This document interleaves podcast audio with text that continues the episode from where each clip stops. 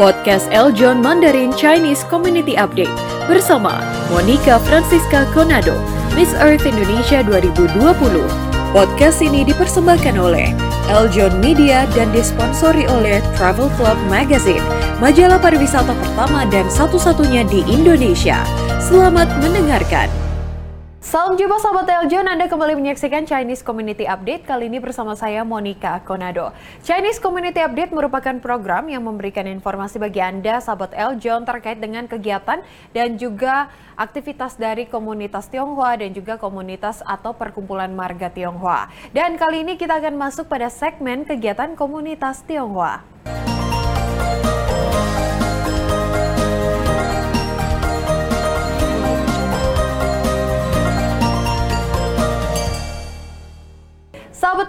Informasi pertama terkait dengan bantuan oksigen concentrator dari Seci Taiwan tiba di Seci Center di Pik Jakarta Utara. Seperti apa informasi selengkapnya inilah untuk Anda. Bantuan berupa 500 unit oksigen concentrator dari total 5.000 unit bantuan yang dikirim dari Guangzhou, Tiongkok pada Sabtu 24 Juli 2021 tiba di Suci Center, Pantai Indah Kapuk, Jakarta Utara.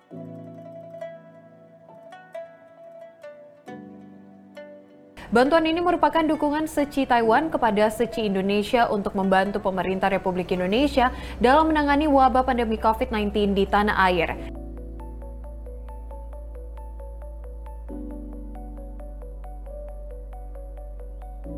Master Cheng Yen, pendiri Yayasan Buddha Seci, merasa prihatin dengan kasus lonjakan pasien COVID-19 di Indonesia saat ini dan berharap wabah pandemi COVID-19 di Indonesia bisa segera tertangani dengan cepat dan baik.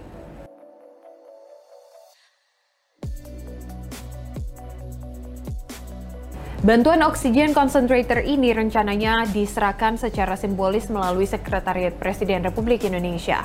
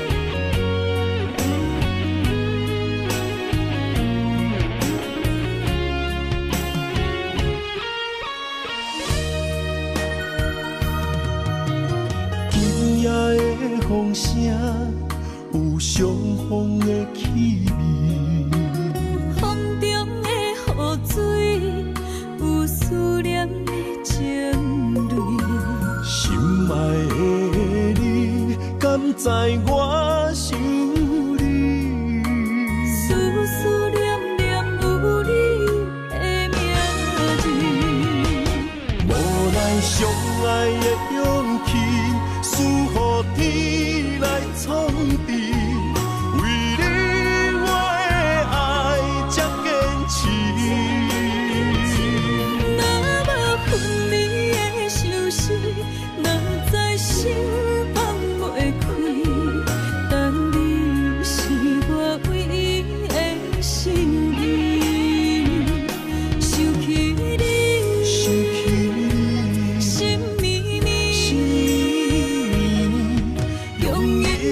追随你不分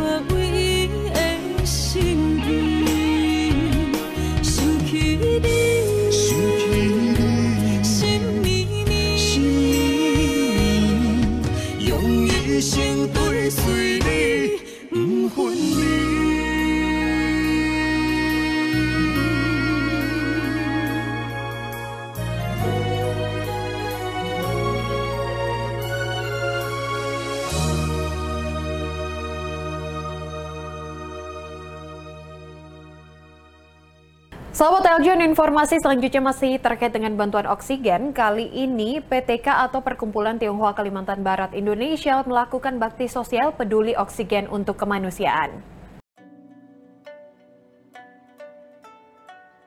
Perkumpulan Tionghoa Kalimantan Barat PTK Indonesia melalui bidang sosial melaksanakan kegiatan bakti sosial bertajuk Peduli Oksigen untuk Kemanusiaan terhitung sejak 31 Juli 2021. Kick-off pelaksanaan dimulai di Sekretariat PTK Indonesia P4 Season City Mall, Jalan Profesor Latu Menten, Jembatan Besi, Jakarta Barat. Dihadiri Ketua Bidang Sosial Budianto Sugianto, Sekjen PTK Indonesia Futianto Lim, Wakil Satu Ketua Bidang Sosial sekaligus Ketua Pelaksanaan Budi Utomo, Vincent Effendi, Bunardi Aloyanto, Pang Kimpo, Pang Wijun, ditandai dengan sambutan oleh Ketua Pelaksanaan Budi Utomo dan penyerahan tabung oksigen oleh Budianto Sugianto kepada masyarakat yang membutuhkan. Budi Utomo selaku Ketua Pelaksana menyampaikan sebagai perkumpulan yang bergerak di bidang sosial, kegiatan peduli oksigen untuk kemanusiaan berkaitan dengan kelangkaan tabung oksigen seiring dengan meningkatnya kasus COVID-19. Yang disediakan adalah 100 tabung oksigen lengkap dengan regulator dan troli dipinjamkan secara gratis. Adapun syarat peminjaman adalah hanya diperuntukkan bagi penderita COVID-19, dibuktikan dengan hasil swab PCR, melampirkan data diri KK dan KTP, mengajukan peminjaman dengan mengisi formulir yang disediakan bermaterai Rp10.000. Bagi yang membutuhkan dapat mengajukan melalui kontak hotline di 0811 9313 322 dengan jam operasional di P4 Season City mulai pukul 9 hingga 18 waktu Indonesia Barat. Ketua Bidang Sosial Budianto Sugianto menambahkan bakti sosial ini sebagai wujud keprihatinan seluruh anggota perkumpulan PTK Indonesia terhadap problem kekurangannya tabung oksigen bagi penyintas COVID-19. Budianto Sugianto juga mengatakan berterima kasih kepada donatur yang memberikan sumbangsi untuk kemanusiaan ini. Selain kegiatan ini, sejak merebak kasus COVID-19 telah melakukan berbagai aksi sosial baik pembagian masker, bantuan APD, dan obat kepada nakes, bantuan sembako ke berbagai wilayah di DKI Jakarta dan di Kalimantan Barat. Sahabat Eljon, informasi tadi sekaligus juga mengakhiri segmen kegiatan komunitas Tionghoa. Tetaplah bersama kami.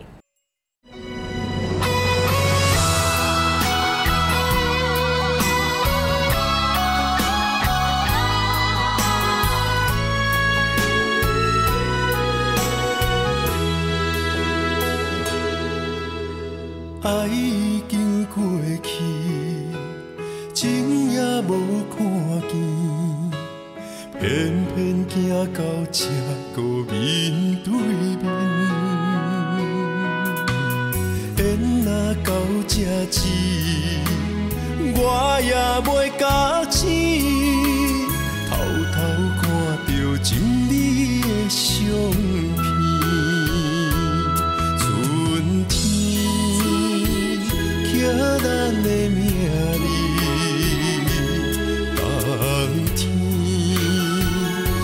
来无看见。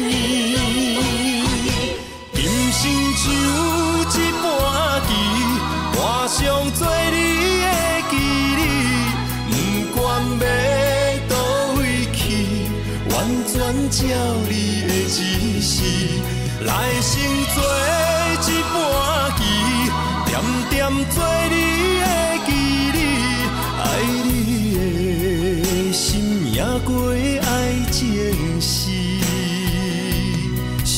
出了一件过好为止，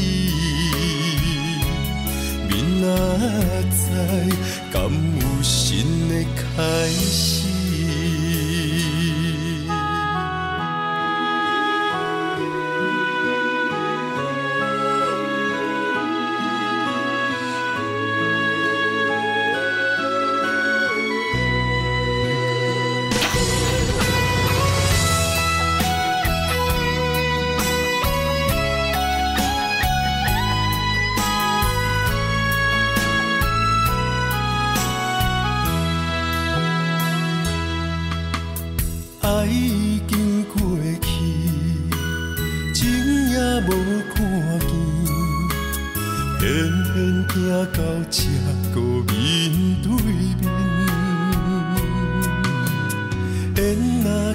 这止，我也袂假死，偷偷看着心里的相片。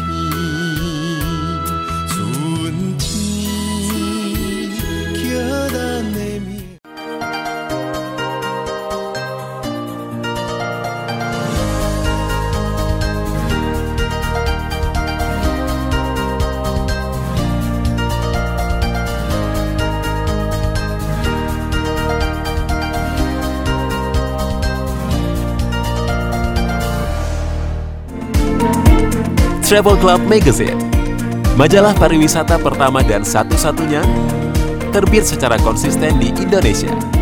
Travel Club Magazine selalu mempersembahkan informasi pariwisata, bisnis, dan investasi terkini sejak tahun 1988. Anda juga dapat mengunjungi website kami di www.travelclub.co.id. Travel Club Magazine, Traveler's Choice. Podcast Eljon Mandarin Chinese Community Update bersama Monica Francisca Conado, Miss Earth Indonesia 2020.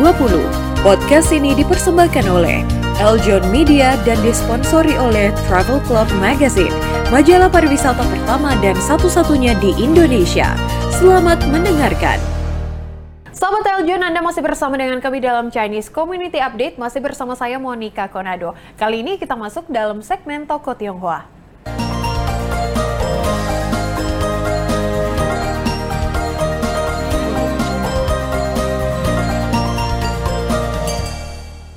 Sahabat Eljon, di tengah banyaknya artis yang rajin gemar pamer kekayaan, ada Agnes Mo, artis keturunan Tionghoa yang menyebarkan kebaikan tanpa butuh sorotan. Selengkapnya kita saksikan dari YouTube channel berikut ini. Adanya media sosial membuat orang ingin terkenal secara instan dan semakin banyak mereka yang menamakan dirinya sebagai artis. Bahkan mereka tidak pernah menghasilkan karya sama sekali kecuali jualan paha, dada, dan semua sensasi lainnya. Kalau yang laki-laki, mereka jualan kekayaan dan ada juga yang jualan agama. Seolah-olah mereka dan kelompoknya lah yang berhak masuk surga. Jujur, saya sempat pesimis melihat masa depan Indonesia ketika menonton konten-konten YouTube mereka. Bayangan saya, kelak negeri ini akan diisi oleh para manusia plastik yang sibuk dengan dirinya daripada apa yang mereka lakukan. Dan ketika arus kapitalisme yang mereka usung semakin membesar, akan ada kelompok fundamentalis yang tumbuh berdasarkan kecurigaan dan berusaha merebut negeri ini dan mengembalikannya menjadi negara agama yang sebenarnya jauh lebih mengerikan. Tapi ternyata saya salah. Apalagi ketika saya melihat apa yang dilakukan oleh Cinta Laura dan Agnes Monica. Cinta Laura membuat saya jatuh cinta ketika dia diwawancara dan bilang kalau dia merasa bersalah kalau harus beli tas branded yang mahal harganya. Buat Cinta Laura, uang untuk membeli tas itu bisa buat dia kasih makan dan sekolah ke anak-anak yang membutuhkan. Dan cinta nggak asal ngomong. Banyak yang nggak tahu kalau dia punya yayasan bernama Yayasan Sukarseno. Yayasan ini didirikan Cinta Laura bersama ibundanya dan fokus ke pendidikan juga bencana. Di websitenya Yayasan Sukarseno sudah membiayai pembangunan 12 sekolah. Bayangkan. Cinta juga sering berjumpa dengan anak-anak asuhnya dan mengasah rasa empati dirinya dengan bermain bersama mereka. Cinta Laura merasa dirinya beruntung dan ingin membagi keberuntungan itu dengan banyak orang yang kurang beruntung. Dia tidak merasa dirinya kaya, dia hanya merasa bahwa dirinya adalah kepanjangan tangan Tuhan untuk membantu banyak orang. Tahu berapa usia cinta Laura sekarang? Dia baru berumur 27 tahun, tapi sudah punya pemikiran yang luas dan empati yang sangat dalam dibandingkan banyak orang yang bahkan jauh lebih tua dari dia yang lebih senang menumpuk kekayaan seolah harta itu kelak dibawa mati karena dia takut miskin di alam lain nantinya. Ada lagi Agnes Monica yang baru berumur 34 tahun. Agnes bukan penyanyi receh, dia sudah go internasional. Dan bukan hanya sebagai penyanyi, Agnes juga punya banyak bisnis mulai dari kuliner sampai aksesoris kecantikan. Kabarnya sih, kekayaan Agnes Monica dari bisnisnya itu sudah bernilai 432 miliar rupiah.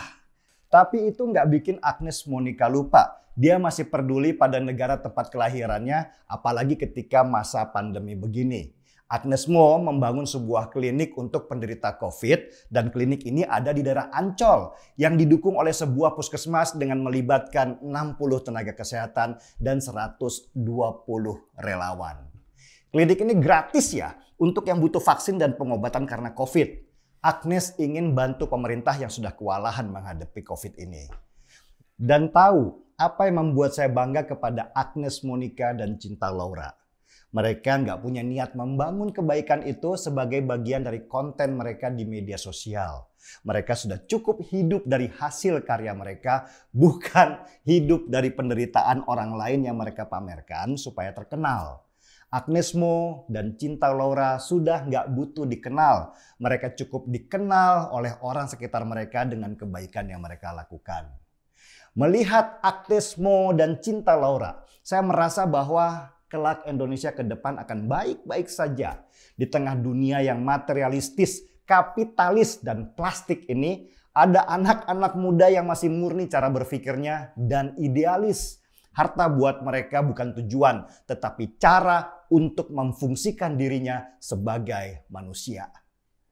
Apa agama mereka? Begitu pasti pertanyaan orang-orang bodoh yang berpikir, agamalah yang memasukkan seseorang ke surga.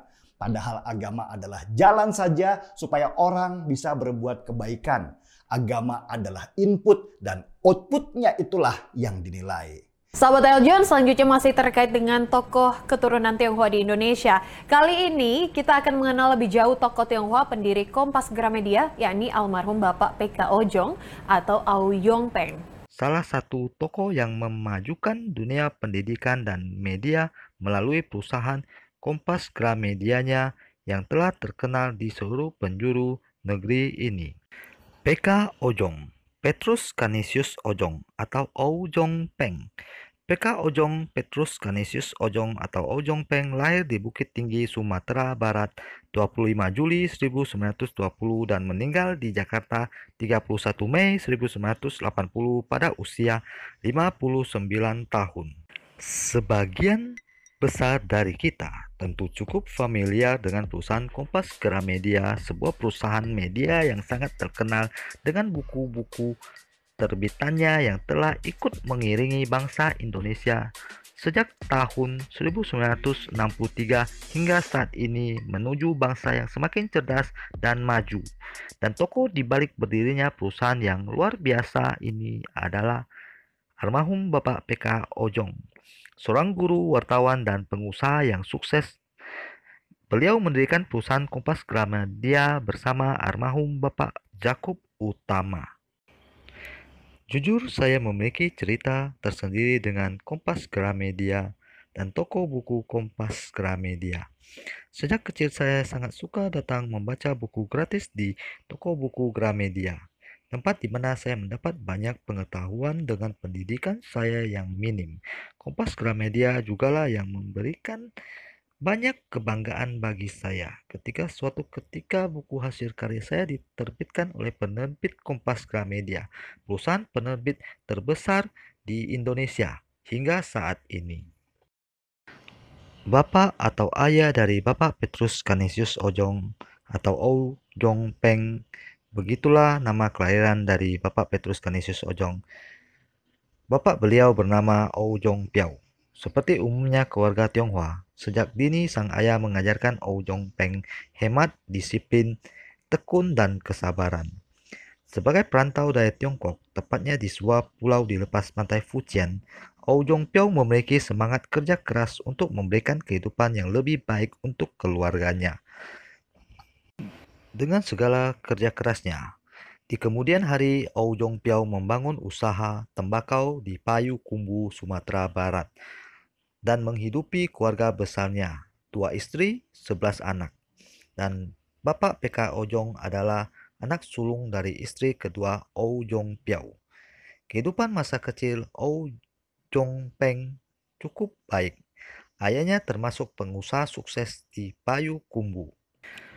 Sejak kecil, PK Ojong atau Ojong Peng dikenal sebagai pribadi yang sederhana, jujur, bertanggung jawab, dan pandai mengolah keuangan. Beliau tidak suka dengan pesta pora yang hanya menghamburkan uang, namun selalu ringan tangan membantu menyumbang pada mereka yang membutuhkan. Bapak PK Ojong juga merupakan orang yang menjunjung tinggi Bhinneka Tunggal Ika, memiliki keinginan untuk membangun bangsa terutama di bidang pendidikan dan tentu saja beliau seorang pekerja keras. Bapak PK Ojong pernah bersekolah di HCS Payukumbu, kemudian pindah ke HCS Kota Padang, kemudian ke sekolah HCK yang merupakan sekolah guru. Ia terkenal sebagai siswa yang tekun dan serius. Pada tahun 1951, Beliau menempuh pendidikan tinggi di Fakultas Hukum Universitas Indonesia. Bapak PK Ojong mengawali karir sebagai guru di SD Budi Mulia Mangga Besar. Antara tahun 1946 hingga tahun 1951, PK Ojong atau Ojong Peng merupakan anggota direksi Surat Kabar Harian Kengpo dan Surat Kabar Mingguan Stark Weekly. PK Ojong juga merupakan anggota Badan Pimpinan Pusat Partai Katolik, Bendahara Pengurus Penerbit Surat Kabar, Bendahara Yayasan Indonesia yang menerbitkan majalah Horizon, Bendahara Lingkar Seni Jakarta, dan banyak lagi.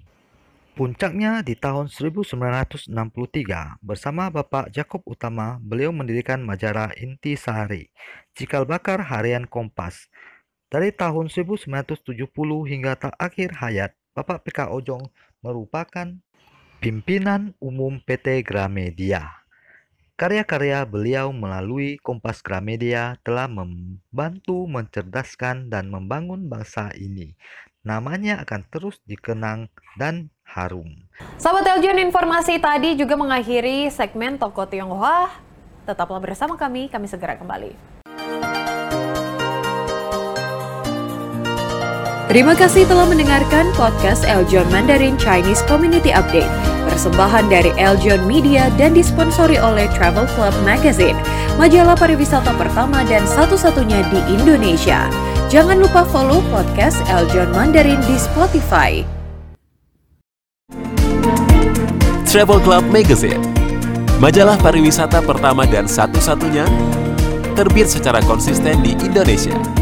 Travel Club Magazine selalu mempersembahkan informasi pariwisata, bisnis, dan investasi terkini sejak tahun 1988.